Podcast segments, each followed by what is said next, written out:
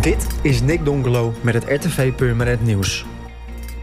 Dinsdagochtend omstreeks 11 uur is in het Egert winkelcentrum een vrouw gewond geraakt. De vrouw viel van een roltrap. De vrouw is met een hoofdwond naar het ziekenhuis gebracht en volgens getuigen was de valpartij veroorzaakt doordat zij met kleding tussen de roltrap vast bleef zitten. Na verspreiding van gezond verstand in de Amsterdamse rivierenbuurt is nu Purmerend aan de beurt. Het 28 pagina's stellende krantje wordt deze week in de brievenbussen in Purmerend gestopt. Gezond Verstand staat voor artikelen die de officiële informatie rondom het coronavirus in twijfel trekken.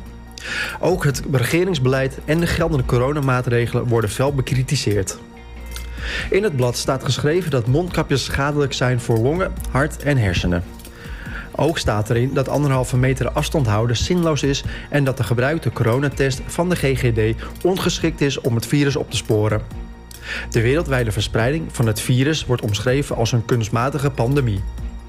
Het kroontje wordt verspreid in een oplage van 1 miljoen stuks door heel Nederland. Het door de gemeente verwijderde fietsen neemt de afgelopen jaren toe.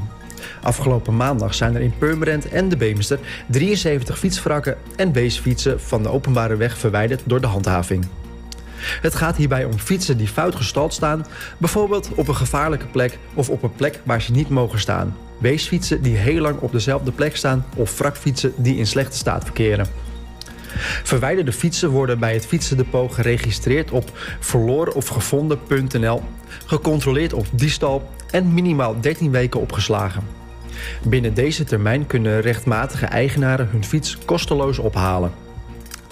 Voor meer nieuws, kijk of luister je natuurlijk naar RTV Permanent, volg je onze socials of ga je naar www.rtvpermanent.nl.